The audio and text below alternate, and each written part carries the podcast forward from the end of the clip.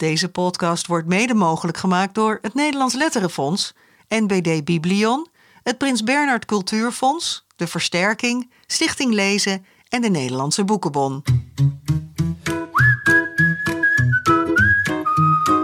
Die heerlijke live show in Antwerpen eind mei zijn we weer terug op het nest. Yes. Weer in kinderboekwinkel Kiekeboek in Haarlem voor een nieuwe aflevering van de GVP. Mijn naam, je hoort het al, is Jaap Frieso. Nou, ik hoorde je naam nog Nee, niet. maar je hoorde wat ik het was, toch? Ja, ja dat is Bas Baardenpaard. Ja, Meteen weer smakelijk lacht om jouw verspreking. Ik wou zeggen, mijn naam is Jaap Frieso. Kinderboekenresistent van jaaplees.nl, dagblad van het Noorden en Leeuwen Krant. En Bas Paard, die heeft ook de weg terug naar huis gevonden. Naar de het Antwerpen. was even zoeken vanuit Antwerpen, Ja. maar we zijn Ja. er weer. Ja, eh, resistent van eh, Dagblad Trouw. En eh, je bent net aan de zomerstop toe, denk ik. Ja, nog één stuk in de krant. 9 juli staat Ja. mijn laatste recensie in Ja. de krant. En dan zijn we er even uit tot 27 augustus. Dat is elk jaar zomerstop, zodat ik op vakantie kan. Ja, maar ik vind het eigenlijk altijd wel jammer. Want ik denk dan Ja. juist in de zomer wil je lezen. En dan heb ik ook wel behoefte om eh, gevoed te worden. En gaan al die kranten en dingen en zo gaat allemaal... eh, Ja, ik weet ook niet zo goed waar het mee te maken heeft hoor. Maar de bijlage krijgt een net iets andere vorm in de zomer. En dan wordt hij misschien minder vaak verkocht, de krant of zo. Of mensen zijn op vakantie. Ik heb ja, ik denk dat ook met vakantiepersoneel. Mijn, mijn bijlagen gaan ook een tijdje... Jij, jij stopt ook in de zomer? Ja, ik doe natuurlijk maar één keer per maand. Dus ik, alleen juli valt weg en dan ben ik er in augustus. Oh, kijk. Nee, ja, Eén zo. maandje verlof ja, dus. precies. En, eh, Wij gaan wel gewoon door deze zomer. Ja, toch? Ja. ja. Te beginnen met deze aflevering. En Mhm. Ja. eh, met een schrijver van wie we al een keer een boek tipten, maar wiens nieuw boek ons zo raakte dat we erover in gesprek wilden. Eh, dat heet Patroon, het Ja. boek. Ja, een heftige jong adult over een puber die per ongeluk zijn beste vriend doodschiet. Kijk. Dat, is- dat is pas een eh, Ja. mooi uitgangspunt. Ja, en, en eh, het boek is voor Marco Kunst, hè. welkom. Dank je. Ja, je Ja. hebt de eerste bladzijde van het boek heb je al in Mhm. onze update eh, in maart voorgelezen. En Ja. ja, nu gaan we over het hele boek eh, praten. Ja. Heel Ja. goed. Hey, dit heeft eh, na verschijning een enorme hoeveelheid publiciteit eh, gehad. Hè. We bedolven onder lovende recensies, vijf ballen in NRC Handelsblad. En eh, grote complimenten in de Volkskrant. En ook wij hebben er heel Vier positief... ballen in het dagblad van de Kijk. Krant. Ja. en, eh, nee, wij geven geen ballen in trouw, nee. maar als, ze- als ze erbij hadden gestaan, waren het er ook vijf geweest. En eh, je kwam op de radio al en heel veel op sociale media zagen we over het boek langskomen. Eh, heb je dat ooit eerder meegemaakt, eh, dat iedereen zo op je boek duikt? Nee, en ik ben ook een beetje van geschrokken. Want Geschrokken? ik dacht van, ach ja, jongeren lezen niet meer zoveel. Hoor je de hele tijd van die doemverhalen over. En ik had hier heel lang aan gewerkt. En op een gegeven moment dan is het af en dan komt het er wel. En dan denk je, nou, mooi, ik ben er zelf trots op. En ik heb een mooi verhaal geschreven. Maar of er verder iets mee gaat gebeuren, dat, ja, dat zien we wel. En dus ik was wel redelijk overweldigd door de... Je had niet dat idee van ik heb iets bijzonders, dit zou wel eens iets bijzonders kunnen zijn. Maar dat heb ik bij ieder boek wat ik schrijf. Ja. Dus daarom... Dan Als denk moet je niet publiceren het Nee, oké, maar ik kan me voorstellen bij, bij sommige boeken wel meer ik denk van dit kan wel eens aanslaan of hier kunnen we Nou, recensent op ja. aanslaan. Of... Jullie weten ook dat ik mee... Ik maak vaak hele dikke boeken. Ja. Ja. En ik dacht, ach, dit is maar een dunnetje. maar anderzijds wist ik ook wel, het is heel samengebald en geconcentreerd. En daarom is het misschien minder dik geworden. En ik wist dat het, het, het grondidee goed was. Ja. En wat, wat valt je op in de reacties dan? Kun je me ook verklaren waar, waarom het tot nu toe zo aanslaat? Wat ik vooral lees en hoor is dat ik kennelijk een, een, een toon te pakken heb. De stem van Milo, de hoofdpersoon, dat die iedereen raakt. En dat ze ook vinden dat, het klopt. Dat ik kennelijk echt de toon van een 15-jarige... Ja, de puberstem, hè, zoals Bas Malipaat er altijd zo mooi opschrijft. ja. Ja, inderdaad. Ja, de puberstem. Ja. Dus dat, eh, dat, dat is blijkbaar echt gelukt. En daar heb ik ook echt wel naar zitten zoeken en fine-tunen van ja, ja, wat kan wel en wat kan niet. Want je moet ook niet geforceerd jongerentaal van nu gaan gebruiken. Dat Nee. kan ik niet en dat wil ik ook niet. En dan, dan, dat, dat komt geforceerd over. Af en toe één term ertussendoor. Het ging, maar het ging me uiteindelijk vooral om het gevoel van Ja. die jongen. Wat maakt die door? De emotie die daarbij komt, de twijfel, de angst, de wanhoop. Ja, maar ik denk En, dat eh, je ja. wel iets goed zegt met die stem inderdaad. Dat als je dit boek opslaat of openslaat en je begint te lezen... dat je wel meteen gegrepen wordt door die vertelstem. En dat is echt lang niet met alle boeken zo, kunnen wij uit ervaring zeggen. Nee, maar dat zullen we straks bij de eerste zin ook meteen, weet je, je zit er echt vanaf het begin meteen in. Dat, dat kan niet missen. Nee, Dan nee, kan het natuurlijk nog misgaan daarna, maar dat gebeurt in dit geval. eh, En misschien toch ook het, het hele heftige thema. Maar goed, daar gaan we het straks eh, verder over hebben. Eh, het is ook alweer een heel ander boek dan je tot nu toe weer geschreven hebt. Dat is ook wel, er zit wel een soort rode draad in je oeuvre, maar eh, je, het- bij jou weet je eigenlijk nooit wat voor boek er gaat komen. Hè. Hiervoor schreef je het toekomstverhaal offline en daarvoor een heel sprookjesachtig boek, Het Verlangen van de Prins. En Kroons herinneren wij ons ook nog goed. Het was ja, een, meer een filosofische en deels historische roman. Hoe komt dat dat je elke keer iets totaal anders doet? Omdat ik me helemaal niet met genre eigenlijk bezig hou. Ik, ik heb een beeld meestal waarmee ik een boek begin. En, ehm, en heel langzaam wordt ook duidelijk wat voor genre daarbij hoort. En Een dat- beeld, dat, eh, omschrijf het. Dus wat is een beeld? Ehm, echt letterlijk, ik zie het beeldend voor me een beginscène. En daarmee moet ik beginnen. Dus hier was het, het, eh, het vuurtje waar Milo en Mees omheen zitten. Twee vrienden. Twee Ja. vrienden in het begin. En dat is eigenlijk pas later in het boek eh, wordt dat verteld, dat verhaal. Maar dat die twee goede vrienden daar zitten. Ik zag dat veldje helemaal voor me. En dat daar mega Jimmy aankomt met zijn brommertje. En die gaat een heftig Ja. oorlogsverhaal vertellen. Maar dan snap ik het nog En- niet helemaal. Want ik Ja. heb niet... Ja, ik heb ook wel beelden. Maar ik heb niet dat je denkt van... Hé, ik heb nu een beeld waar ik een boek... Oh, is dat dan een beeld wat beklijft, wat zich in je hoofd vastzet? Of... Het is een beeld waarbij ik weet, hier zit een verhaal in. Hier zit meer in. Ja, En, ja. Maar ik heb dan zelf nog geen idee wat dat dan is. Maar het is meer een, een samenballing van enerzijds lekker rond zo'n kampvuurtje misschien zitten. Weten dat het kapot gaat, dat er iets heftigs gaat gebeuren.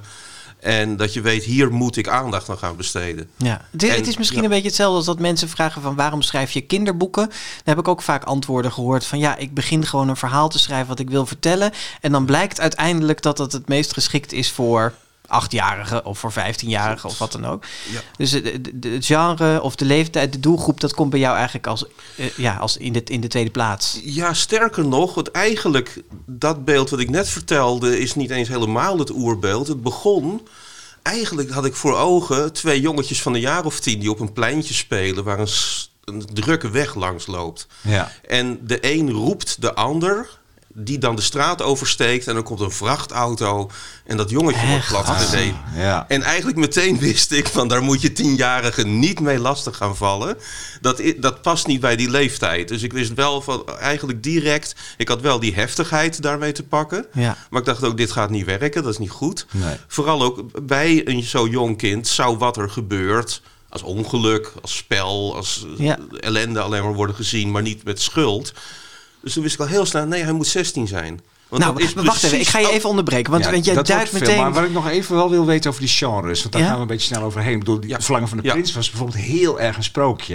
En dat is toch wel weer een heel ander genre dan, dan dit, of weet je. Hè? Ik bedoel, Mhm. maar dat is toch ook wel een manier van schrijven. Hè? Ik bedoel, je, je moet dan toch wel weten van ik ga nu toch een beetje een sprookjesachtig en dit is toch redelijk realistisch. Ja, dus, nee, het is ook gewoon waar ik zin in heb, denk ik, Ja. op het moment. Dus dat dient zich een beetje aan. En ik werk altijd aan drie projecten tegelijk wel. Dus dat wisselt zich ook af. Misschien en een science fiction project en een meer realistisch verhaal.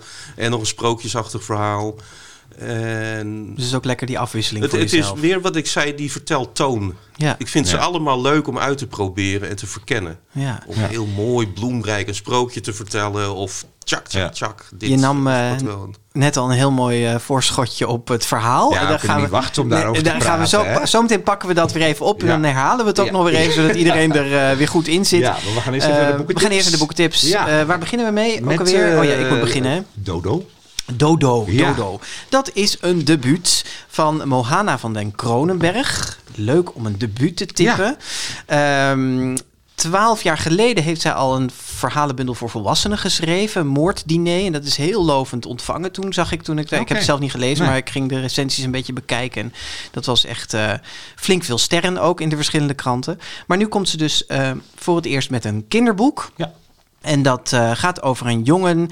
eh, Dorian heet hij en die stottert. Maar jij. eh, Nou ja, ik ontdekte al- tijdens het lezen al. Ja. En ik heb het niet voor 100% gecheckt. Maar dat het woord stotteren er dus volgens mij helemaal niet in voorkomt. Ik kan het me ook niet herinneren, nee, inderdaad. dat vind ik wel Dus- mooi eigenlijk. Weet je, dat het over zo'n soort... Ja, dat is echt het leidende thema van het boek. En het wordt ook heel mooi omschreven op verschillende manieren. Hoe hij Ja. daarmee worstelt en wat dat betekent in zijn spraak en hoe dat, hoe dat gaat. Maar het woord stotteren als probleem komt er eigenlijk niet in voor. Nee, nee, nou ja, goed, maar hij stottert Hij wel. stottert wel, En dat, ja, eh, dat wel eh, merken we omdat hij eh, in de eerste dag van de, op, op de eerste dag van de brugklas moet hij zich voorstellen aan de klas. En hij heet dus Dorian. En hij begint aan zijn naam Dodo. En verder komt hij niet. En hij wordt natuurlijk meteen door de klas dan Dodo gedoopt naar de uitgestorven loopvogel die we allemaal wel kennen. Hè? Ehm, en dat idee dat heeft uh, Mohana van den Kronenberg uh, ontleend aan Lewis Carroll, de schrijver van Alice in Wonderland. Dat vond ik ook heel grappig om te lezen. Het heeft ze ook deels in het boek verwerkt. Uh, omdat Lewis Carroll um, scheen ook te stotteren en zijn echte naam was Dodgen. En daarom zei hij ook Dodo als hij oh, zijn echte achternaam probeerde uh, te zeggen. Ja. En de, de, het verhaal gaat dat hij in Alice in Wonderland ook een dodo heeft opgevoerd als alter ego van zichzelf om die reden. Ja. Maar goed, helemaal precies weten we dat Nee, natuurlijk en wat niet. gebeurt er hier met die dodo? Want er komt Ja. een dodo in voor. Ja, precies. Ja. komt de dodo in voor. Want eh, tijdens een schoolreisje, eigenlijk besluit eh, Dorian nadat hij dus eh, ja, dat debakel met dat voorstelrondje heeft meegemaakt in de klas, besluit hij, ik ga niet meer praten. Nee. Dus hij gaat zwijgen. Iets wat Mohana van der Kronenberg in haar jeugd trouwens ook heeft besloten als kind. Veel jonger kind was ze toen. Hij besluit eh, te zwijgen vanaf nu. ehm, en hij gaat wel gewoon nog naar school. En hij gaat dus mee op een schoolreisje naar een natuurhistorisch museum. En daar eh, komt hij oog in oog te staan met een reconstructie. Opgezette dodo's bestaan eigenlijk niet, want er zijn helemaal geen complete constructies eh, bekend, maar een reconstructie van een dodo. En vanaf dat moment neemt zijn fantasie het eigenlijk over. En hij stelt zich voor dat hij het laatste dodo-ei ter wereld uit dat museum steelt en thuis uitbroedt. En hij eh, ja, raakt dus bevriend eigenlijk met die dodo. Hij voert gesprekken met die dodo. En daarover schrijft hij in een, eh, in een schriftje. En die tekst, dat vond ik heel bijzonder gedaan. Ook heel verwarrend gedaan, maar dat is de bedoeling. Ehm, die tekst eh, die hij in zijn boekje schrijft, dat is allemaal cursief gedrukt. Maar na verloop van tijd stopt ze daarmee. Ja. En dan gaat het dus helemaal voor jezelf als lezer ook door elkaar heen lopen. Dat je denkt, hè? Maar is dit nou nog, is dit dan wel echt of niet echt? Want je houdt jezelf eerst vast aan die, aan die cursieve letter. En dat vervalt op een gegeven Ja. moment. Dus Ja. dan gaat het echt helemaal door elkaar heen lopen. Het vergt echt wel even inspanning om het, om het te begrijpen Ja. eh, hoe dat door elkaar heen loopt. Ik sprak de uitgever. Ik kan niet eh, pretenderen dat ik dat zelf heb ontdekt. Maar de uitgever die vertelde mij dat eh, één hoofdstuktitel in het boek, eh, Bizar, is eh, cursief gedrukt als enige hoofdstuktitel. Ja. En vanaf dat moment loopt het dus echt Ah, helemaal door elkaar heen. En Ja. ja. kun je er als lezer dus ook soms bijna geen touw meer aan vastknopen. Maar dat is juist onderdeel van het literaire spel wat ze eigenlijk speelt. Ja, hij verwerkt met, met Dodo in zijn kamer, waar hij ook het eiland van de Dodo's, Mauritius, nabouwt. Verwerkt hij eigenlijk wat hij ja, op, op school allemaal heeft meegemaakt. En de afgelopen jaren met zijn beste vriend heeft meegemaakt. En eh, ja, hij moet eigenlijk leren dealen met zijn gestotter en leren omgaan met dat hij. Ja, en hij, hij is heel bang dat hij uitgestoten wordt. Hè? Ja. Of dat hij, dat hij gepest wordt, terwijl dat eigenlijk Best meevalt. best meevalt. of- Of eigenlijk helemaal niet aan de hand is. Maar dat is iets wat hij zichzelf heel erg wijs Ja, maakt. En eh, ja, ik, ik vond vooral, ik bedoel, het is heel mooi, maar ik vond vooral de vriendschap met Ramses, die jongen Ja. die, waar die, die, die, eigenlijk op de lagere school bij mijn vriend was. Dat was altijd zijn stem. Ja. Ramses is mijn woorden, zegt hij volgens mij ook. En ja, dat, maakte altijd zijn hakkelende zinnen af ja, en zo. en dat is op zo'n nieuwe school en ineens even anders. En eh, dan ja, maakt hij zichzelf wijs dat dat niet meer gebeurt. En verbreekt hij eigenlijk ook contact met Ramses. Maar die Ramses denkt, eh, zo zijn we niet getrouwd. Zij, Nee. eh, ik blijf gewoon vrienden met jou. Er wordt dikke vette ruzie. Nou ja, goed. Hoe dan Dus ook. allemaal, maar dat vond ik heel mooi. En ook zijn moeder speelt een hele mooie rol eh, Ja. in die verwerking. En, en wat ook voor de kinderboekenliefhebbers, want we zijn een kinderboekenpodcast, heel erg leuk is, is dat zij het hele boek vol heeft gestopt met allemaal verwijzingen naar andere kinderboeken. Echt klassieke kinderliteratuur, zoals dus inderdaad eh, Alice in Wonderland. Maar ook Dit is geen dagboek van Erna Sassen, De meisjes van eh Annette Schaap, Eilanddagen van Gideon Samson, die zelfs als schrijver ook wordt Ja. opgevoerd Ja. omdat hij ook stotterde. Ehm, ik ben Vincent en ik ben niet bang. En je moet echt goed opletten, want soms eh, is het alleen maar een zin. Bijvoorbeeld de eerste zin van Lampje wordt en, ergens en dat boek genoemd. Ik praat als een Ja. rivier, wat we ook Ja. getipt hebben, wat ook echt over stotteren gaat. Dat je op een gegeven moment denkt, hé, zit ze dat nou gewoon te jatten Ja, eigenlijk? ja, ja, ja, ja, ja. Maar het is eigenlijk wel heel, eh, heel Ja. leuk. Zij werkt ook in een kinderboekwinkel in, eh, in Den Haag, geloof ik. Dus eh, nou, je kunt echt merken dat het een groot liefhebber van, van Ja, de we kinderliteratuur moeten nog twee is. boeken. Hè? ja, Dus, precies. eh, Nee, ja, we gaan snel ja. naar de Maar volgende. het Ik is die een, een mooi, mooi gelaagd Ja, debuut. absoluut. Het is uitgegeven bij de Vier Windstreken. Voor de geoefende lezer wel, maar vanaf een jaar of elf. Ja. Ja, Ja, dan, dan heb ik ja, een boek eh, waar we op zich wat korter over kunnen zijn. Maar wat ik, ik- dit, ik kwam terug van vakantie en dan ligt er zo'n stapel boeken. En dan denk je, waar zal ik eens aan beginnen? En toen zag ik dat van de winnaar van de Est- Astrid Lindgren Memorial Award van dit jaar. En Eh, Jean- vorig jaar. Ja, vorig jaar. Ja, ja, ja. Maar de laatste Astrid Lindgren. Ja, ja, ja, klopt. Dat is de eerste verbetering alweer. Ja, nee, nee. Die man heet Jean-Claude Morleva, denk Ja. ik dat je het uitspreekt. Hè? Heel ja. goed, Ja, ja, ja. en er was nog niet, er was geloof ik ooit één boek van hem vertaald in het Nederlands. Maar eigenlijk kennen we hem helemaal niet. En nu is er in, in rap tempo eh, blijkbaar een boek van hem vertaald. Het heet Jefferson. Heeft een prachtige voorkant van Martijn van der Linden. Daar zie je een, een, een egel in een, eh, een jasje lopen. Ja. En eh, er verderop staat een konijntje in een jasje. En denk je, hé, ja, zo'n dierenboek, weet je, dat zal wel weer. Maar het is, ik vond het fantastisch. Ja, het, is een, eh, het is geweldig. een thriller eigenlijk. Het gaat over eh, Jefferson, dat, die heet aan Jefferson ten Bos van Berkenbeek.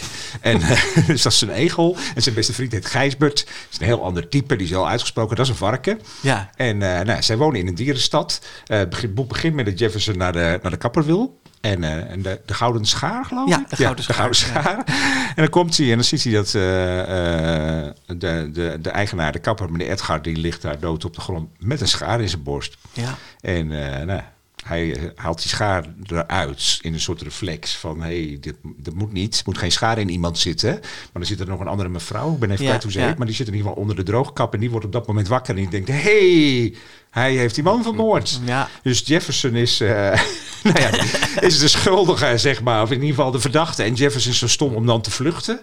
En weg te gaan en wordt verdacht. En nou ja, daarna ontwikkelt zich een heel ja, spannend, Spannend idioot, maf avontuur. Waarin die dieren, eh, ze gaan uiteindelijk, hij gaat samen met die beste vriend, gaat hij nog even vertellen, in een soort busreis gaan ze naar de mensenstad. Omdat ze denken van, hé, hey, daar zou wel eens een aanknopingspunt kunnen zijn. Hilarisch beschreven ook. ja, het is allemaal heel grappig. En ja, het, het is vooral heel grappig en, en spannend. Maar er zit ook best toch wel veel tussendoor. Omdat het toch wel heel erg gaat over de verhouding tussen mensen en dieren. Hè. Er, zit, er is een dierenstad. Er is een mensenstad. En dat weten die een beetje ook van elkaar. Hè. Ja. Dus die, die mensen komen wel eens in de dierenstad. Dieren Toeristen. Mensenstad. over nou ja, en daar- weer. ja. En dan wordt dan ook een beetje, ja, weet je, ze, ze, ze kijken elkaar wel een klein beetje met wantrouwen. Op een gegeven moment gaan die dieren dan uit eten in de mensenstad. Ja. En dan wordt er wel een beetje schertsend gezegd door die mensen van, ja, maar ik ga jullie eh, eh, wat voorschotelen, maar je hoeft je geen zorgen te maken. Hoor. Er ligt niet een stuk van je neef je of je zus op je bord. En dat vinden die dieren natuurlijk helemaal niet grappig. Ze vallen zo stil. Nou ja, dat soort dingen, daar wordt enorm mee gespeeld. Dat is gewoon heel... Maar dit is ook wel eh, een van de kernthema's van het boek. Het gaat ook over de bio-industrie. Het gaat hè? ook over de Want in de bio-industrie. mensenstad zijn dus ook nog weer gewone dieren tussen aanhalingstekens. Dus niet aangeklede dieren die Ja. ook niet kunnen praten. Deed mij erg aan Duckstad denken, Ja. waar Mickey Mouse aangekleed is, maar wel een hond heeft Pluto, weet je wel. Ja. En ook mensen lopen. Dus het is een beetje een gekke mix. Ja. Maar daar moet je even aan wennen. Maar Ja. nou ja, goed. Ja, en het heeft, uiteindelijk heeft het ook wel die razende vaart van zo'n hele grappige Disney-film, vind ik. Weet Ja. je, zo dat Ja. eh, zeker. gebeurt van alles. En, eh, en het is gewoon heel goed geschreven. En ja, ik snap wel dat deze meneer de Astrid Lindgren Memorial Award heeft. Tenminste, dit boek... eh, Ik vond het ook heel lekker vertaald, weet je. Tenminste, ik heb het Frans er niet naast gehouden, ja. maar Ja, eh, ja, het leest is gewoon eh, echt goed. vertaald door eh Liesla Vrijzer en Els... Kun Du- je ook echt zien dat het een eh, Frans boek is? Kun je dat gewoon lezen? Ik vond het eerlijk gezegd eerder een beetje Engelsachtig aankomen. Het komt ook door de namen Jefferson en Ja. zo, weet je wel. Maar eh, ik- nee, ik heb niet het heel Frans gevoel erbij. eh. Nee, helemaal niet. Nee. Nee, maar het, is- een beetje neutraal ook waar het speelt of zo. Want er zit niet iets die heel... Frans- Jefferson. Ik, weet niet zo. Klinkt ook Nee. goed. Ja, Klinkt maar gewoon als je in de, in, de, zang- in de vakantie iets lekkers wil lezen. Jefferson, uitgegeven bij Lano. Had je beide vertalers al genoemd? Ja, Lief, ja, ja, ja, Ja, oké. ja. Goed. Hebben we nog eentje? Eentje, die ga ik helemaal kort eh, doen, want dat moet je vooral zelf lekker gaan bekijken. Eh, als je dit prentenboek openslaat, dan eh, hoor je de meeuwenkrijzen en de zeeruisen. Noelle Smit die heeft de zomer eigenlijk in een prentenboek gevangen. Aan zee heet het. Ehm, het is onderdeel van haar cyclus, waarin ze elke keer eh, een blond meisje met een tackle op pad Het is stuurt. een beetje hetzelfde meisje steeds. Ja, ja, ja. de Ja. eerste is Naar de Markt, heet het boek. Het tweede In de Tuin en nu Aan Zee. En wat ik het leuke van die boeken vind, is dat zij eigenlijk van die situaties uitkiest waar je eigenlijk helemaal geen spannend verhaal bij nodig hebt als kind. Omdat gewoon naar de markt gaan is een avontuur op zich. Naar zee gaan is een avontuur op zich. Weet je, je ziet op de eerste bladzijde al dat meisje dat durft met haar grote teen een kwal aan te raken. Er liggen allemaal van die scheermesjes op het strand, weet je wel. Ehm, nou ja, er zijn eh, meeuwen die patatjes stelen, eh, lekker, lekker zwemmen in de golven. En dat tekkeltje heeft dan een zwemvestje aan. ook Nou, wel leuk. want dat soort dingen. Ja. Het is een heerlijke. eh, ik schreef in de, in de krant over dit boek dat dat de zee wel een lichte upgrade heeft gekregen. Dit is niet de grauwe Hollandse zee die we gewend Nee, zijn. maar maar- ik kom net terug uit Portugal, waar ik Ja. ook heerlijk aan het strand heb gelegen. Dus Daar- daar misschien komt een het beetje meer geënt op de Portugal. Maar ik had wel meteen weer dat gevoel. Ik heb daar echt een week op het strand gelegen. Dat je denkt, ja, dit is gewoon ja, het is echt wat heerlijk. het is. En dat is eigenlijk niet zoveel. Nee, je- maar, maar, maar, toch ook weer, ja, nee, je gaat daarheen, je gaat liggen, je moet wat met, met spulletjes doen, dan moet je naar de zee, dan moet je besluiten of je wel of niet over een golf heen duikt. Ja, neem je misschien dat een zijn de ijs, beslu- ja, neem je ja. misschien een ijsje of niet, dan Ja. zie je wat andere mensen. Nou, zo, zo gaat dat een beetje. En zij maakt van die tableaus eigenlijk, hè? Het Ja, het is, heer, het is heerlijk om naar te waar kijken. van omdat alles je- op gebeurt. Echt lekker zon overgoten. En eh, hier kijk ik nu naar een pagina met van die smerige palen vol algen met van die zwarte mosselen aan de zijkant. Maar ja, goed. En dan zit er ook een meisje bij die die mosselen ervan afhaalt. En dat soort dingetjes zijn echt die kleine, en, ja, kleine avontuurtjes rond het strand. Ja, in Gewoon- een hele fijne tekenstijl. Ik vind Ja. het, eh, ik word hier ook heel rustig van op een of andere manier. Zij heeft ook altijd een soort lichte retro-sfeer. Dat zie je ook weer aan de, para- de parasols die er zijn. En met van die lekkere 70s franje eraan en zo. Ja. Eh, dat heeft zij er altijd een beetje in zitten. Ja, maar, er staat dus eh, heel sumier tekst bij, hè? Ja. steeds wel een ja, beetje een begeleidend onder. zinnetje voor Ja. ouders die niks zelf kunnen Nee, verzinnen. daarom. denk Het is eigenlijk niet eens nodig. Ik zou gewoon lekker zelf de teksten erbij eh, Ja, bij maar goed. verzinnen. Aan Zee eh, van Noelle Smit bij Querido verschenen. Vanaf een jaar of eh, drie kun je dit zeker al bekijken. Misschien zelfs wel jonger. Ja, dat was de boekenrubriek. Ja, deze tips vind je natuurlijk terug in onze show notes op de grotevriendelijkepodcast.nl. En we hoorden al van veel bibliotheken en boekwinkels dat ze zo vlak voor de zomervakantie onze tips eh, weer eens extra in het zonnetje willen zetten. En daarop hebben wij dus iets leuks bedacht om dat te ondersteunen. Een tweetal zomerposters van de GVP die je in hoge resolutie kunt downloaden uit onze Media Kit. Je hebt mooie foto's gemaakt, Bas. Dank Ja. je. Met mijn eigen zonnebril erop. Ja. En het boek van Marco staat er ook op, Marco. Ja. En nu Ja. zit het vol zand. Dit zit binnen. helemaal vol met zand. Ja, want ik ben naar het strand geweest om foto's te maken, inderdaad. Eh, maar goed, die, die, die posters kun je dus downloaden uit onze Media Kit. Knop Media Kit op onze website. Ehm, daar kun je het vinden. En dan eh, lekker printen en ophangen en er iets moois van maken. En eh, om dat nog een beetje eh, luister bij te zetten, hebben we ook nog een wedstrijd eh, eraan verbonden. De bibliotheek of boekhandel die de mooiste zomerpresentatie maakt met onze groot Ja. vriendelijke tips. Die ontvangt een groot vriendelijk verrassingspakket. Ja, dus maak een mooie tafel, een vitrine, een etalage, een kast eh, Ja. met onze tips. En het, een het heet een verrassingspakket omdat we zelf nog niet weten wat erin gaat zitten. Maar het, het wordt wel heel leuk. Het wordt heel leuk. En Ja. Het is voor het hele team en het is moeite waard. Maar Zeker. Het is vooral leuk om, eh, om te doen. En, en een van die boeken die, nou ja, die er ook op staat en die ook mee kan in de vakantiekoffer is natuurlijk Patroon eh, van Marco Kunst. Absoluut. nog even iets introduceren zodat mensen weten wie we aan tafel hebben. Marco, je werd geboren in Vlissingen. Eh, maar je werd door de zeewind zo naar Utrecht geblazen op een gegeven moment. Hè? Toen ik ging studeren. Ja, want daar ging je Ja, studeren. Je, ja. je koos voor een studie eh, filosofie. Ja. Ja, daarna gaf je les aan kunstacademies, waarin je filosofie, psychologie en kunstgeschiedenis bijeenbracht. Mhm. En want op je, op, je, op je website schrijf je dan, in de loop der jaren merkte ik dat ik niet alleen wilde lesgeven over het maken van mooie dingen, ik wilde ze ook zelf maken. Nou, dat ben je gaan doen. In 1999 verscheen jouw debuut als schrijver voor volwassenen. Ja. Zo ja. beginnen mensen dan soms, hè? Ja. Ja, je ja. probeert wat. Ja, nee, daarom. Nou, wel een is hele leuke titel, wat zo'n kinderboek had kunnen zijn. De genietsmachine. Ja, is wel, ja, De genietsmachine. Ja, mocht ook eigenlijk niet van die uitgever. Oh, echt die wilde, er is een verhaal staat erin dat heet De Blik van Botticelli. En dat vond hij veel mooier. als Oh ja, deftig. Oh, oké. Maar ja, dit Ja. moest het zijn. De Ja. En die genietmachine komt later in gewist. Ja, Ja, op een ja bepaalde manier mooi terug. bruggetje, want dat was eigenlijk je eerste jeugdboek. Hè, wat verscheen vijf jaar later, gewist. Lovend werd ontvangen. En nou ja, titels die we al een beetje hebben genoemd. eh, Isa's Droom, De Sleutel. Nou, die hebben we trouwens niet eens al nee, ik wou net zeggen, die zijn juist de titels die we nog niet genoemd hebben. Ja. Ze maar even. Maar we hebben Isa's Droom, De Sleuteldrager, Vlieg en De Waterwaak van Nattelanden. En we noemden net ook al een hele rits eh, titels. Waaronder Het Verlangen van de Prins, wat ik nog steeds, wat ook gewoon mee kan in de vakantiekoffer. Een prachtig boek. En nou ja, nu staat Patroon. En dat heeft een eerste zin. Wil je die voorlezen? Mensen die naar de update hebben geluisterd, die Ja, weten hem ja, al. ik moet Uit je hoofd weten. Moet je- want ja, ik die heb weet mijn het al uit je niet hoofd. uit mijn hoofd. Nee. Nee. Het hoofdstuk heet Mees is dood. En de eerste zin is... Mees is vanmiddag gecremeerd. Ja, dat gebeurt dan meestal als je dood bent. dan word je ja, dat is ook ja. echt een gezellig begin van Ja, een... eh, het is wel een binnenkomer, Nou. hè, die zin. Ja, ik had eerst, er zat tot bijna aan de drukproeven ook wel nog een voorwoord bij. En toen dacht ik ineens, dat moet eruit. Deze bladzijde is gewoon zo goed. Daarvoor had ik allemaal dingen dat mij Om het in te leiden. uitleggen en waarom die ging Oh. schrijven. Ah. En, en ik dacht ineens van nee, het moet weg. Hier Ja. moet het mee beginnen. ja, Ja. Mees is vanmiddag gecremeerd. Ja. Oh, dit is wel, want hier stond inderdaad de vraag van... heb je lang over die zin nagedacht eh, als opener? Maar je hebt dus vooral nagedacht over het voorwoord... of dat er wel of niet... Eindeloos met het voorwoord bezig geweest. Oh, ja. Schrappen, dat was echt eerst zeven pagina's. Toen werd het drie, toen werd het twee. En uiteindelijk verdween het. En dit had ik... was een van de scènes die ik gewoon later had geschreven. Ja. En de, is dat dan bam van nee, het moet eruit? Dat weet je dan ineens? Of? Ehm, ja, het klopte niet meer. Het was te uitleggerig. Ja. En ik merkte, ik heb de uitleg niet nodig. Nee. Hier begint het verhaal. Ja, wat Ja. goed. Ja. Hey, en Mees is dus vanmiddag gecremeerd. Wie is Mees? Leg dat nog even uit. Mees is de beste vriend van Milo geweest. En dan echt eh, een Jip en Janneke gehalte had die vriendschap van hen wel. Dat ze eh, buren waren en allebei enigs kind. En eh, met vier dagen ertussen dezelfde leeftijd hebben. Dus de verjaardagen werden altijd zelf, samen gevierd. Ja. Eh, de moeder van Milo, alleenstaande moeder, die werd bevriend met de ouders van Mees. Dus dat was echt op alle mogelijke manieren. Vanaf het begin is het, het is ja, een soort in dezelfde tweeling, klas zaten ze. een dus tweeling dat die is geen echt- tweeling is, zeg maar. Ja. Leuk, je praat ook echt over alsof ze inderdaad echt heb- hebben bestaan of bestaan. Ja. En, eh, Ja. ja. Ja, ja. Ja. Ja, er staat, staat ook in je boek, dat vond ik een mooi zinnetje, van dat, hè, dat ze altijd al samen speelden. En dan staat er 1 plus 1 is geen, zeiden ze dan vroeger. Hè, want je hebt geen kind aan ze. Toen al staat er dan, maar dan krijgt het nu een hele andere betekenis. Want je vertelt al heel snel in het boek wat er gebeurd is. Milo heeft namelijk per ongeluk Mees doodgeschoten. Ja. Hoe is dat gegaan? Ehm, eigenlijk door een stom spel.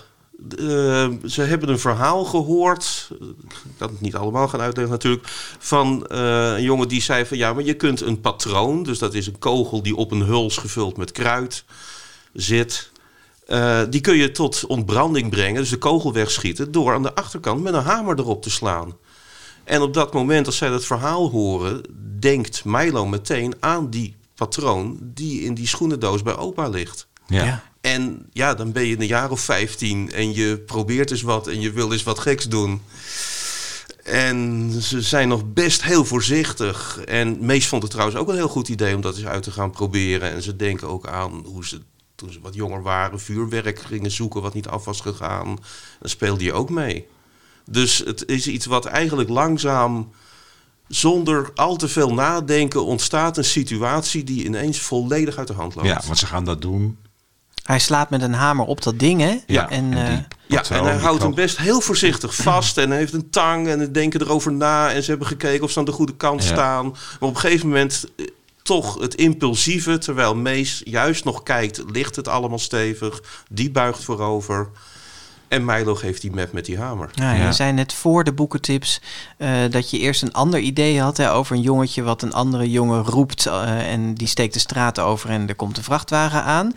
Eh, het gegeven is in principe hetzelfde, hè, van dood door, nou ja, een soort van schuld. Ja, ja. ja, ja. Maar hoe kwam je op dit idee dan? Want je zei daarover van dat het is niet geschikt voor achtjarigen, het moest voor oudere kinderen. Maar dan had het nog steeds die vrachtwagen kunnen zijn natuurlijk. Ja, maar ik wilde het nog meer samenballen tot iets wat je echt doet. En er zat wel vaak het vermoeden al bij dat die patroon bij die opa vandaan kwam en dat daar ook een verhaal aan vast zat. Dus ik weet niet waar dat idee vandaan kwam. Hoewel in meer van mijn boeken zit een heden en een verleden. Die elkaar spiegelen of die samenkomen. En daardoor had ik het idee van, hé, hey, maar zo'n patroon, het is en een heel mooi klein ding waarin alles samenkomt. En hij komt ergens vandaan. En dit bestaat echt, hè? Dat je met zo'n hamer op iets... Want Ja. voor mij is er zelfs afgelopen oud jaar is er nog een soort ongeluk gebeurd. Waarbij Ja. een jongen, Ja. toch? Dat was, dat was dit ongeveer, toch? Ja, het erg is, je kan op YouTube vinden hoe je het moet doen. Ja? Maar Nee, precies. Nee, maar dit bestaat, dit bestaat eh, dus nee. echt. Maar het is eigenlijk gewoon levensgevaarlijk. Ja, natuurlijk. Ja. Ja. Jeetje, ja. Ja. Nou ja, goed. En dat woord patroon, dat heeft eh, ook meerdere betekenissen. Daar gaan we straks nog even op in. Eh, je had het daar straks al over dat eh, wat mogelijk het, de, het ve- de vele aandacht nu voor het boek ontlokt, is, is misschien wel de stem van de, hè, de puberstem van Milo. En daar willen we graag even naar, naar luisteren. Als jij het eerste boekenleggertje even wil zoeken, dan kun je dat stuk gaan voorlezen.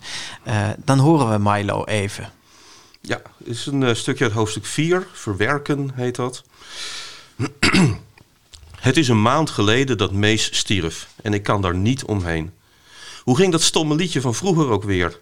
Wij gaan op berenjacht. Hmm, hmm, hmm. Wij zijn niet bang, oh jee, we komen bij een groot moeras. We kunnen er niet bovenover, we kunnen er niet onderdoor. We moeten er wel dwars doorheen. Ik moet dwars door dat fucking moeras heen. Dus. Geen idee hoe. Eigenlijk denk ik dat het onmogelijk is. En ik ben wel bang. De wereld is in die ene seconde totaal veranderd. Bijna alles ziet er hetzelfde uit. Tegelijk is alles anders. Een wereld met een gat erin, een krater, een wereld zonder mees. Het is een wereld waar ik niet wil zijn, maar ik kan er niet uit. Ik heb anderen met me meegesleurd naar die wereld. De ouders van Mees natuurlijk, en mam en opa en alle anderen die Mees missen. En er is zoveel gebeurd. Tegelijk heb ik het gevoel dat er sinds die dag niets meer gebeurd is. Dat er nooit meer iets zal gebeuren. Politie, justitie, verhoren, nachten in de cel, daarna de hulpverleners.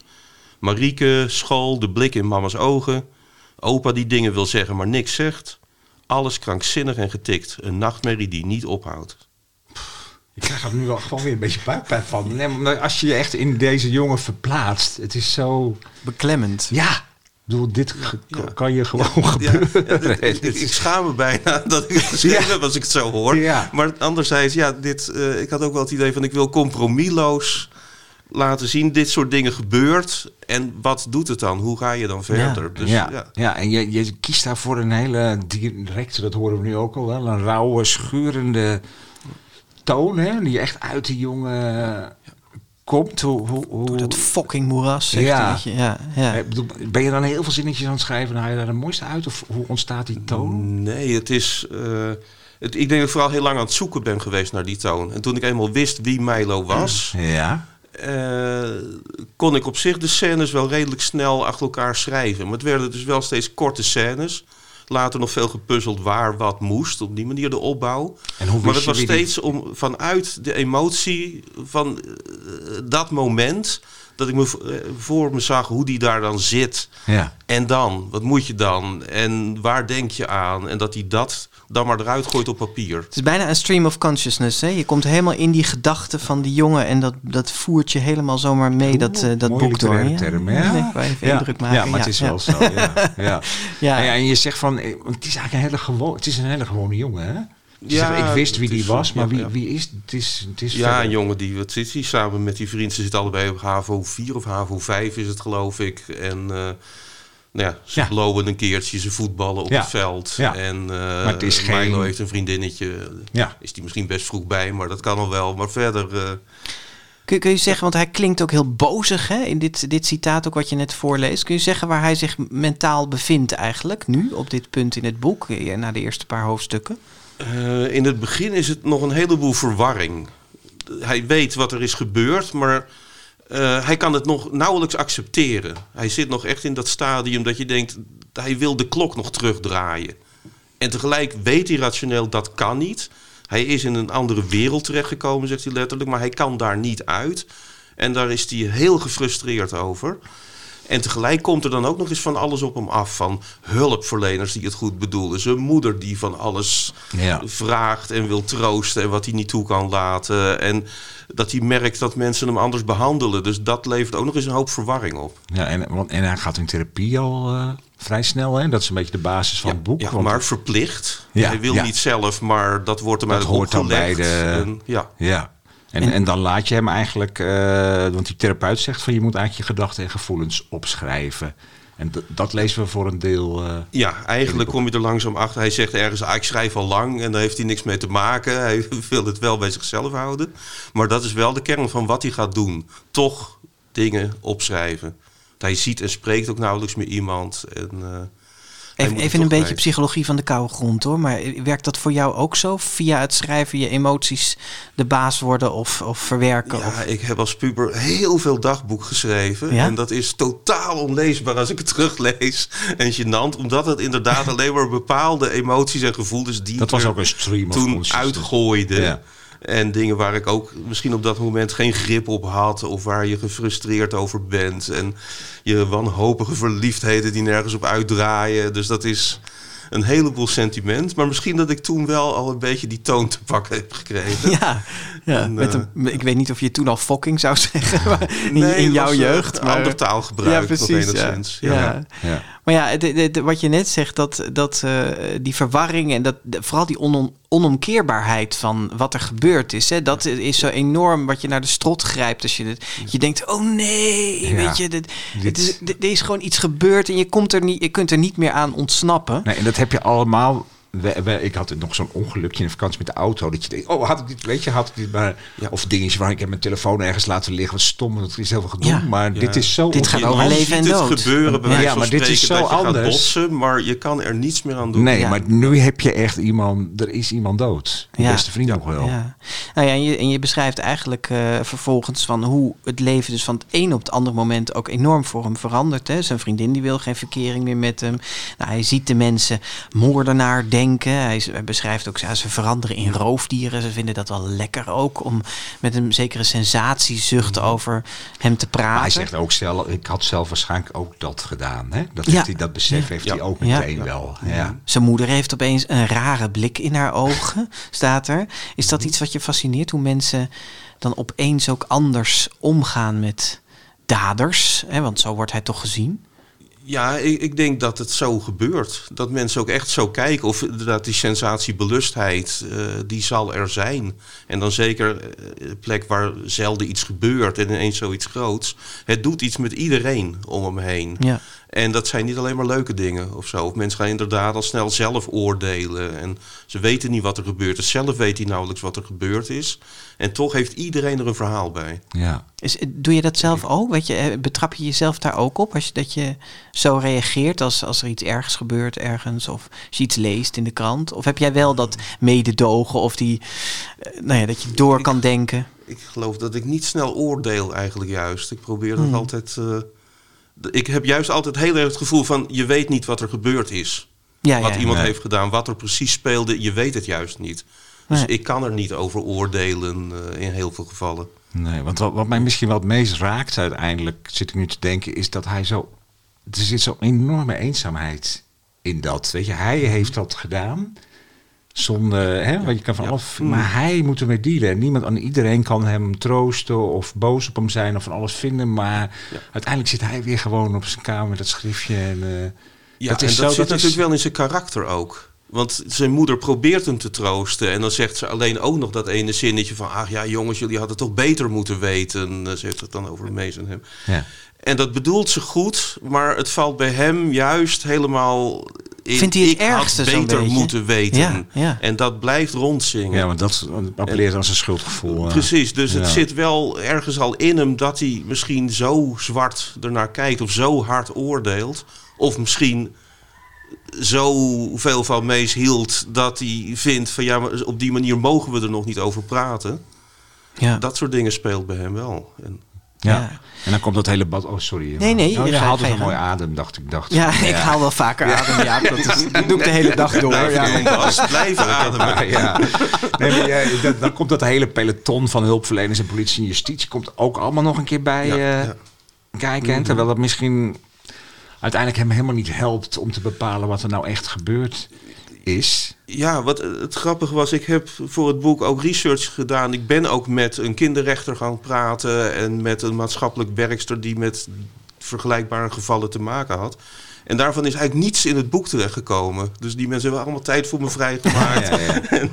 dus, maar Maar het was misschien wel nodig om te begrijpen hoe het dan gaat. Of Ja, zo. en je hebt een beetje de kennis inderdaad nodig van wat gaat er ongeveer gebeuren. Maar ik- ik merkte al heel snel, ik moet gewoon puur zijn perspectief. En ik zag wel van, ja, die mensen bedoelen het hartstikke goed. Ja, maar dat voelt Maar ook wel dat je daar een een beetje systeem. commentaar op levert. Zo van, ja, Het is een systeem waar die mensen in zitten en, waar die, en die afstand blijft. ja. Dus dat, dat zat er wel in. En eh, Lees eens voor wat, wat, wat eh, Mees daarover... eh, Mees, nee, Mees is dood, sorry. Ja. Wat Milo daarover zegt. dat is eh, fragment nummer twee hier, Ja. bij het briefje van Bas. Ja, even kijken. De waarheid. Ja, ja, de fucking waarheid. Misschien lag die in het begin nog ergens in een zacht kwapje van mijn hersentjes. Maar door al die gesprekken werd dat kwapje uit elkaar gepulkt, verbonden met andere kwapjes en weet ik veel. Zoals een stukje stille natuur dat ontdekt wordt. De weg er naartoe wordt geasfalteerd, er worden parkeerterreinen aangelegd, er worden paden aangelegd. Een pannenkoekenhuis gebouwd, gekleurde paaltjes met wandelroutes de grond in gejast. En op een dag merk je dat het bos er al lang tussenuit gepiept is. Ja, de waarheid knijpt er tussenuit, schrijf je in het boek. Hè? Mhm. Ja, zelfs Milo begint namelijk op een gegeven moment aan te twijfelen. Want was het eigenlijk wel een ongeluk? Ja. Dat vond ik wel heftig om te lezen. Dat is blijkbaar als iedereen zich zo op je stort en precies wil weten wat er is gebeurd, dat je op een zeker moment zelf ook niet meer weet. Wat denk je dat het echt zo gaat? Of is dat wat je gehoord hebt? Of hoe heb je Het, dat? Meer dat het kan gebeuren. Wat je hoort dat mensen die ook getuigenverklaringen afleggen, die worden beïnvloed door de vragen Ja. die worden gesteld. En bekentenissen worden soms ook afgelegd doordat iemand van het gezeur af wil zijn of er niet meer tegen kan. Of Maar ook wel gaat Alles twijfelen anders volgens wil. mij. Ik ken En- wel verhalen ja, van mensen ja. die, die dan verdacht worden... Ja. en die op een gegeven moment gaan denken... maar heb ik... Er zijn zelfs mensen nee, die, ja. die een moord bekennen terwijl Ja. ze het niet gedaan Nee, hebben. maar ook echt wel gaan geloven. Dat Ja. ze denken, heb ik dan iets gemist? Ja, nee, dus dat bedoel ik gedaan? ook. Van het verschuift letterlijk. Die waarheid Ja. verandert. Je weet het zelf op den duur niet meer, denk ik. Als er Nee. maar lang genoeg gepraat wordt. Er komen als het ware lagen overheen over je herinnering. Ja. Maar je zegt er is een systeem hè, waar, waarvan je dus mensen hebt geïnterviewd. En dat systeem dat is er gewoon. Dus daar, daarin word je opgeslokt als je zoiets overkomt. Maar hoe zou dat anders moeten dan? Even zonder nu een, eh, een, een podcast over de jeugdzorg en zo te gaan maken. Maar heb je daar enige notie van, van wat, wat, wat dat... Nou, Niet goed eh, maakt, dat Eigenlijk het enige, en ik ben daar ook helemaal niet origineel in, of ik weet er ook helemaal niet zoveel van. Maar wat je vaker hoort, is dat verschillende hulpverleningsinstanties en misschien ook justitie en dergelijke, dat ze enigszins langs elkaar heen werken. Ja. Dat er te veel loketten zijn en dat het te anoniem is. En dat idee heb ik hier hoogstens in gebruikt. En ik denk dat het namelijk ook heel vaak wel goed gaat. En eh, ik vond het trouwens ook indrukwekkend, juist die kinderrechter die ik sprak, had ik echt het gevoel van dat is iemand die echt luistert en die weet waar hij mee bezig is. En eh, die zal niet, daar zal het niet zomaar voor rommelen. Dus, eh, Maar dat, dat ja, is de ja. research die je dus gedaan hebt, zoals je net, eh, net zegt. Maar ja, je moet je sowieso natuurlijk als, als schrijver kunnen verplaatsen in de binnenwereld van zo'n hoofdpersoon. Maar wij dachten wel een beetje toen we het lazen van... dit is zo extreem wat die jongen... en zo uniek in zekere zin wat die jongen meemaakt. Zo ongewoon dat we ons wel afvragen... hoe verplaats je dan in zo'n extreme situatie? het is meer, dit gebeurt blijkbaar als ik me probeer te verplaatsen in zo'n situatie. Ehm, eh, ja, dus wat, hoe, hoe doe je dat? Jeetje. Nou, heb je dan het gevoel dat je recht moet doen aan hoe het daadwerkelijk met dit soort jongeren zou ik heb gaan? niet of- geprobeerd een documentaire-achtig verhaal te Nee. schrijven. Maar wat heb je wel geprobeerd? Wat- Ik heb geprobeerd om eh, hoe het voor hem kan zijn. Dus gewoon Ja. de Milo die mij voor de geest stond. ehm, me voor te stellen wat het met hem doet. En eh, hoe die daarmee verder gaat. En hoe die, dus de, de- die emotie proberen Ja. helder te krijgen. En zelfs eigenlijk te, te doorleven misschien wel in het schrijven. Dat ik gewoon dacht, ja, wat, wat is dit? Ja, en, en dan krijgen we te maken met een jongen die heel veel vragen heeft. Dan weer heel veel vragen worden gesteld. Die ook maar blijft hangen in dat web van, van vragen. Ja, en dan ja, denk je, ja. daar, daar komt die filosoof Marco Kunst een beetje... Het is wel een denkertje, ja, die Milo. absoluut. ja, maar in die Ja, zin is ja. dit ook echt wel een boek wat heel erg raakt aan ja, vragen uit de filosofie. Van in hoeverre ben je verantwoordelijk voor je eigen daden? Wat, wat, Ja. wat, wat, wat is... Nee, maar dat zit er ook echt Ja. achter wel. Ik heb tijdens mijn studie eh, filosofie ging het over die vrije wil en over verantwoordelijkheid en dat soort grote begrippen. En dat is altijd Noodlot. noodlot. En dat is altijd ergens in mijn achterhoofd wil blijven zitten. Van, oh ja, ja, ja. al die filosofen schreven er hele dikke boeken over. Ja. En, maar ik denk in verhalen. Dus daarom ben ik uiteindelijk ook gestopt met het filosoof zijn. Ja. Omdat ik merkte van ja, maar ik wil zo'n situatie verkennen. En wie weet daarin dat dan wel ook duidelijk wordt van ja, wat is dan schuld of wat is verantwoordelijkheid? Is Ja. dit dan toe- toegepaste eh, filosofie of zo? Je- Ik zou dat wel heel mooi vinden. Of ik hoor hier en daar wel van hé, maar het zet je aan het denken. Ja. Of je zoekt grenzen op van dingen als schuld. dat zijn wel Ja. vragen, dat Ja. zijn wel dingen waar jij zelf mee bezig bent, maar die je blijkbaar ook wel graag wil delen. Ik bedoel, die je in zo'n boek. Hè, dus in die zin geef je dat aan jongeren ook mee. Van wat, Ja. Ja, het is en heel erg het verkennen voor mijzelf van wat, wat is dit? Wat is inderdaad schuld hier? Wat is dan verantwoordelijkheid? Maar ook op een manier eh, dat ik wil dat, dat, ik ook anderen aan het denken zet daarover. En ik heb de antwoorden niet paraat. Ik probeer alleen te laten zien wat in een zo extreem mogelijke situatie de betekenis kan zijn van Ja. vrijheid, van verantwoordelijkheid, van schuld. eh, Nou, onder, de onder eens één te pakken dan, Ja. eh, hè, dat noodlot en de, en de vrije wil versus de vrije wil. Eh, liggen de dingen vast dus, of is het leven een aaneenschakeling van oorzaak en gevolg? Maakt het iets uit wat we denken of doen? Wat denk jij? Nou ja, dus daar ben ik ook heel schizofreen in. Ik heb aan de ene kant een heel erg materialistisch wereldbeeld van oorzaak en gevolg. Ik ben wat dat betreft echt wel natuurwetenschappelijk ingesteld. En ergens ben ik het helemaal eens met wat Milo op een gegeven moment ook zegt: van we zijn een, een zak scheikundige reacties. En anderzijds heb ik daarnaast het idee van ja, nee, maar denken en bewustwording maakt wel degelijk uit. Als ik me bewust van iets word, kan ik me ervan losmaken. En strikt met oorzaak en gevolg kan dat eigenlijk niet. Maar op een of andere manier kan ik toch door te leren en door te zien wat er is gebeurd, bijvoorbeeld een familiepatroon, je kunt alleen maar eh, wat in de loop van het boek gebeurt, denken Ja, van ja, ik ben daaraan onderworpen, ik ben nu eenmaal zo, mijn vader was zo, mijn opa was zo. Of als je dat inziet, uiteindelijk denken, ja, maar hé, hey, maar nu zie ik het patroon, dus kan ik een stapje naar achter zetten of eroverheen springen. En is of, dat dan ook dat jij zegt van Ja. dat heeft echt, want dat vind ik altijd fascinerend. Ook van heeft het zin om over. Je kan ook denken, ja, dit is gewoon gebeurd en ik kan er allemaal vragen over stellen en over nadenken. Je kan ook gewoon denken, het is, het is gebeurd en al, al die vragen roepen weer nieuwe vragen op en uiteindelijk word je knettergek. Ja, Ja. da- dan had ik geen boek gehad. Nee, nee maar het is Dan was de inderdaad- basisvraag ja, over de ja. filosofie. Hè? Van waar, waar, brengt, waar brengen al die vragen hier? Ja, maar dat is dan precies eigenlijk wat ik net zei. Dat bewustwording dus helpt om weer helderder of andere keuzes te maken. Dus ik heb ergens wel het idee van hoe meer keuze of hoe meer inzicht, hoe meer kennis helpt je om vrijer Ja. te worden. Nou, en dan zijn we eigenlijk bij die tweede betekenis van patroon. Hè. We hebben Ja. dus eerst eh, de patroon en nu het patroon. Namelijk Mhm. een patroon in zijn familiegeschiedenis eh, van Milo. Zijn opa is een eh, Vietnam-veteraan. Vandaar dat hij die patroon ook ergens in een schoenendoos eh, nog had liggen.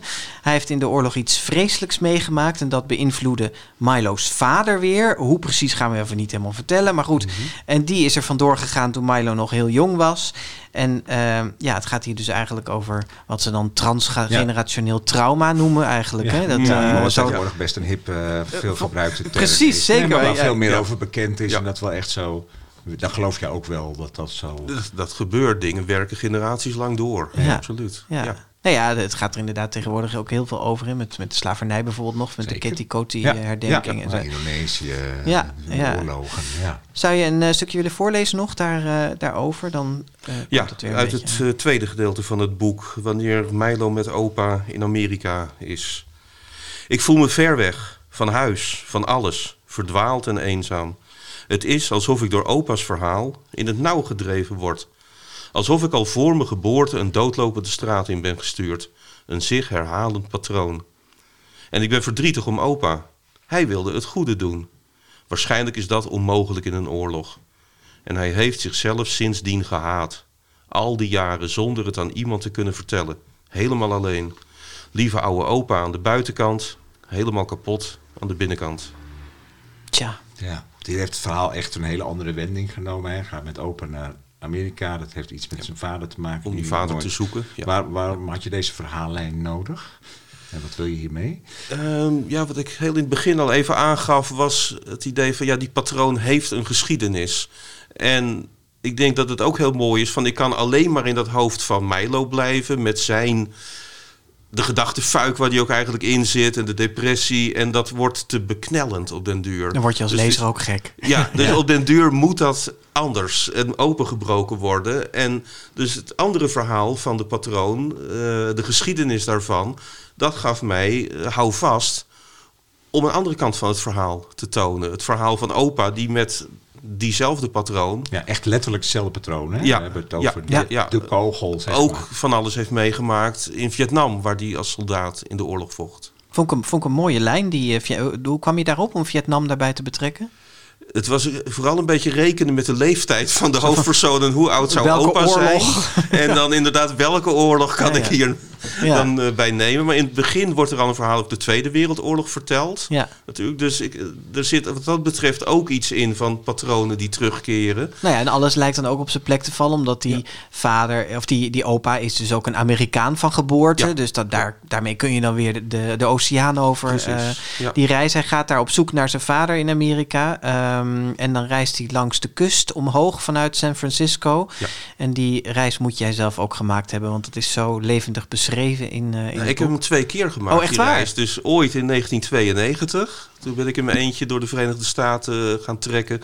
En toen is dat gebied ook voor mij heel belangrijk geworden. Of mijn aller, allereerste verhaal wat ik schreef... speelt op datzelfde strand zich af. En waarom is dat zo belangrijk geworden? Ehm, omdat ik- het was, nadat ik was afgestudeerd, heb ik een ticket naar New York gekocht. En ik wist alleen van, en ik wilde de, de redwoods, de sequoia-bomen in Californië zien. Dus dan moet je dat hele continent door. Dus je koopt ook nog een Greyhound busticket erbij. En ik ging maar door en door en door. En na een week was Amerika op. Toen was ik dus inderdaad ineens in Californië. En dat moment, toen moest ik stoppen. Want ja, ik zat daar op een strand. En wat nu? En heel lang had ik lekker die beweging van op reis, op avontuur. Ja, en dan ben je er. En ik had die bomen gezien. En dan voel je je ineens, nou ja, wat ik net voorlas van Mees, heel ver weg van alles. En je zit er aan het einde van de wereld. En je kunt daar ook aan de stille oceaan de zon in de zee zien ondergaan. En een vuurtje stoken op een strand. Maar hoe nu verder? Is dat zo een van die levensbepalende momenten, zeg maar? Ik, ik denk het wel, Ja. dat dat echt wel eh, belangrijk is geweest. En natuurlijk ook omdat ik ben opgegroeid in Vlissingen, ook met strand en zee. En Ja, dus op die manier was misschien ook een soort cirkeltje rond. Ja. En, eh, ja, en dus toen toen ben je, daar je bent toegeweest in 92 en je bent er nu later. En in 2015 heb ik eh, die reis, of eigenlijk alleen in Californië, heb ik opnieuw een reis gemaakt. En dat is natuurlijk ook heel gek om daar dan bijna 30 jaar later. eh, dus niet meer eh, met een Greyhound-bus, maar met een huurauto. en af en toe in een duur hotel slapen. Op een heel andere manier een reis te maken. En die had je nodig, die reis, om, om dit zo te kunnen beschrijven in dit boek. Ik denk dat het echt wel nodig was, ja. En ook juist hele kleine elementen. Op een gegeven moment ziet hij twee kraaien boven zee vliegen. eh, die daar mooi dansen. En daar wordt hij door gegrepen.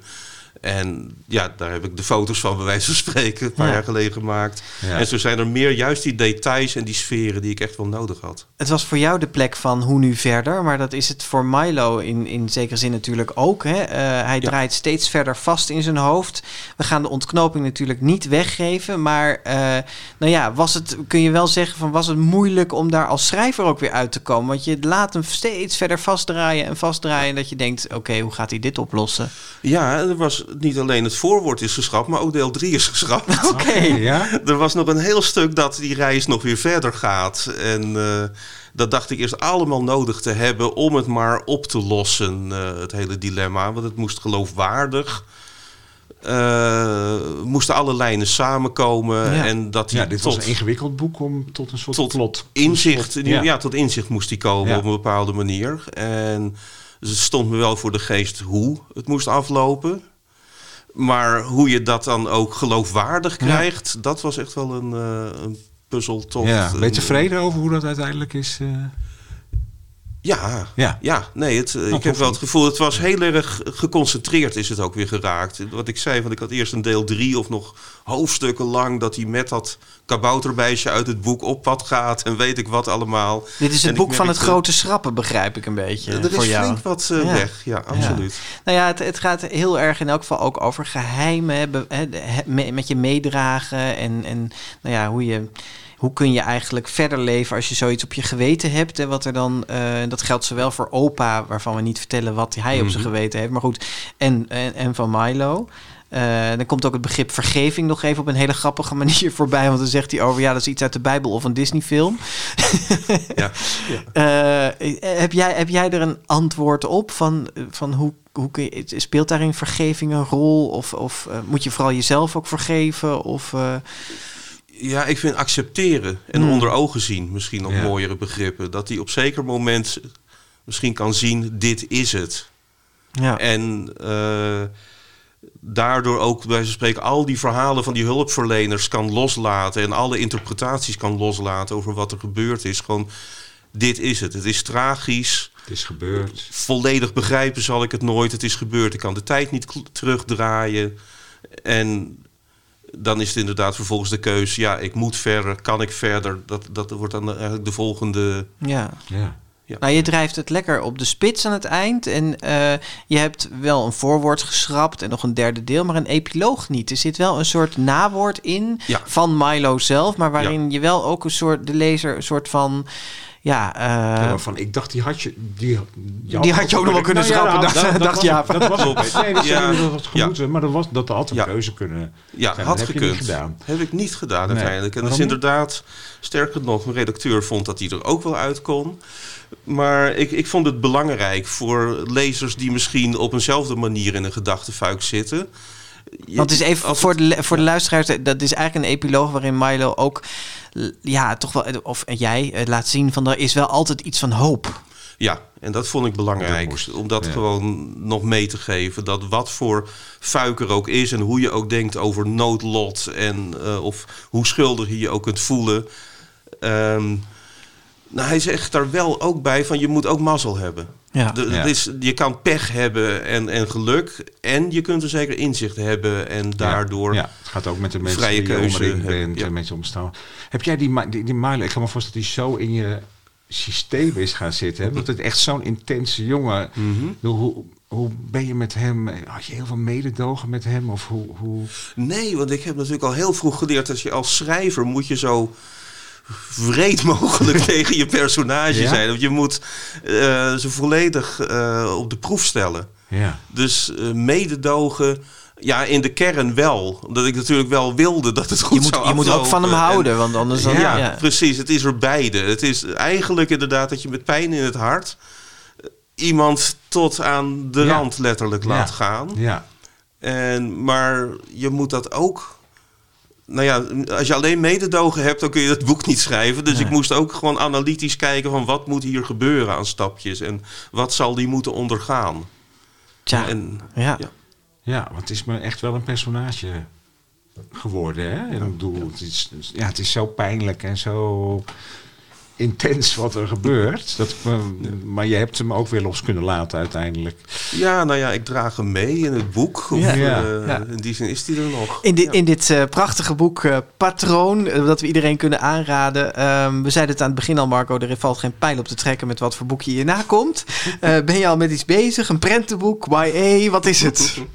Eh, ja, er zit een en ander in het vat. Zoals ik zei, ik ben altijd aan twee, Ja, drie, boeken, drie boeken eh, bezig. bezig. En één daarvan, en weer een wat groter boek, is wel weer een science fiction boek. Oh, leuk. Ja. En dat speelt een jaar of 200, 300 in de toekomst, na de klimaatverandering.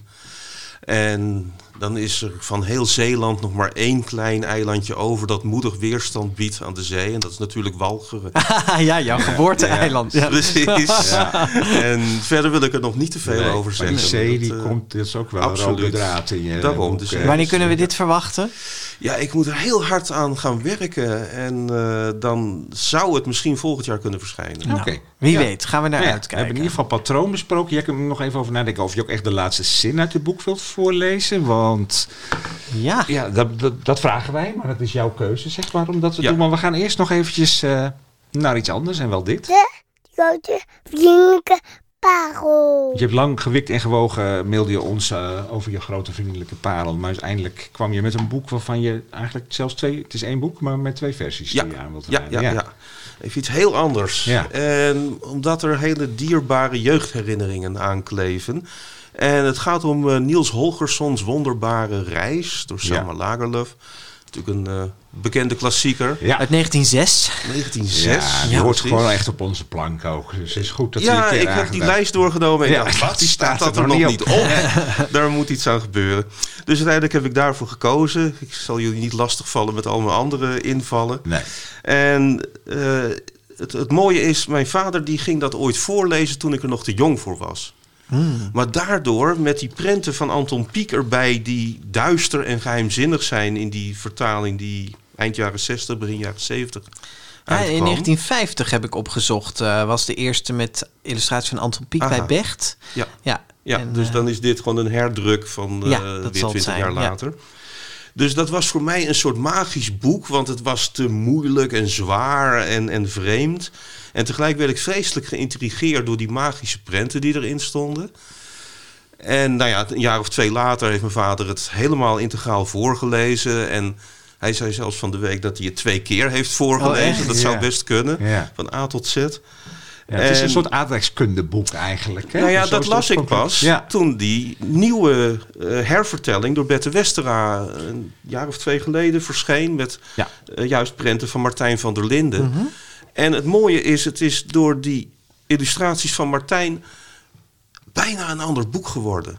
Het, die, ik vind zijn prenten geweldig. Het is echt het licht wat erin zit, de kleuren. Je, je, je, je, je, kan voelen hoe warm of hoe koud het is. Heel schilderachtig, hè, Het is zo ja. schilderachtig en zo mooi gedaan.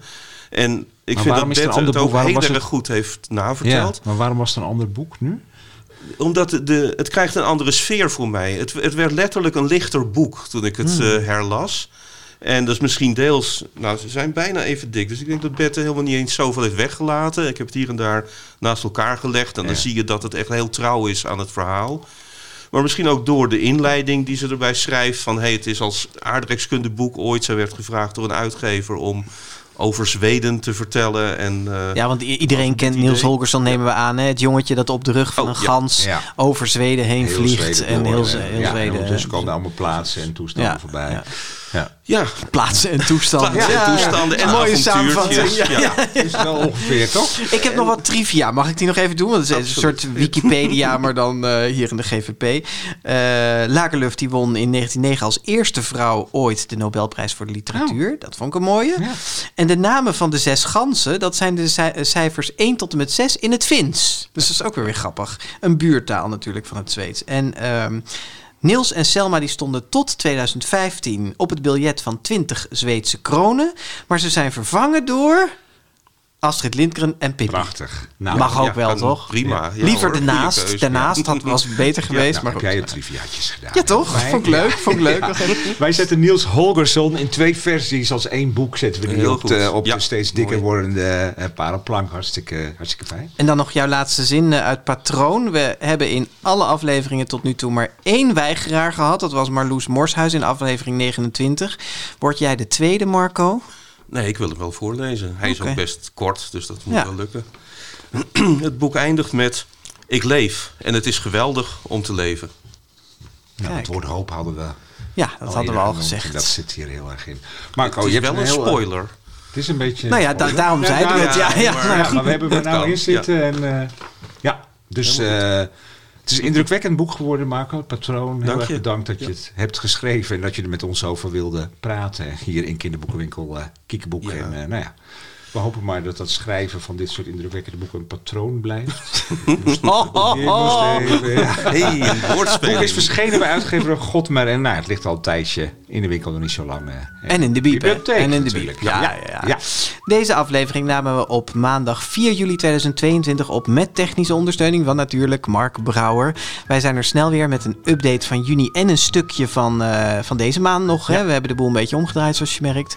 En eh, daarin gaan we natuurlijk lekker los op de bronzen en zilveren griffels en Nou, penselen die zijn wat over te uitgereikt. melden. Zin in, ja. Wat vinden wij van de bekroningen? Wat valt ons op? Je hoort het binnenkort. Tot dan. Tot dan.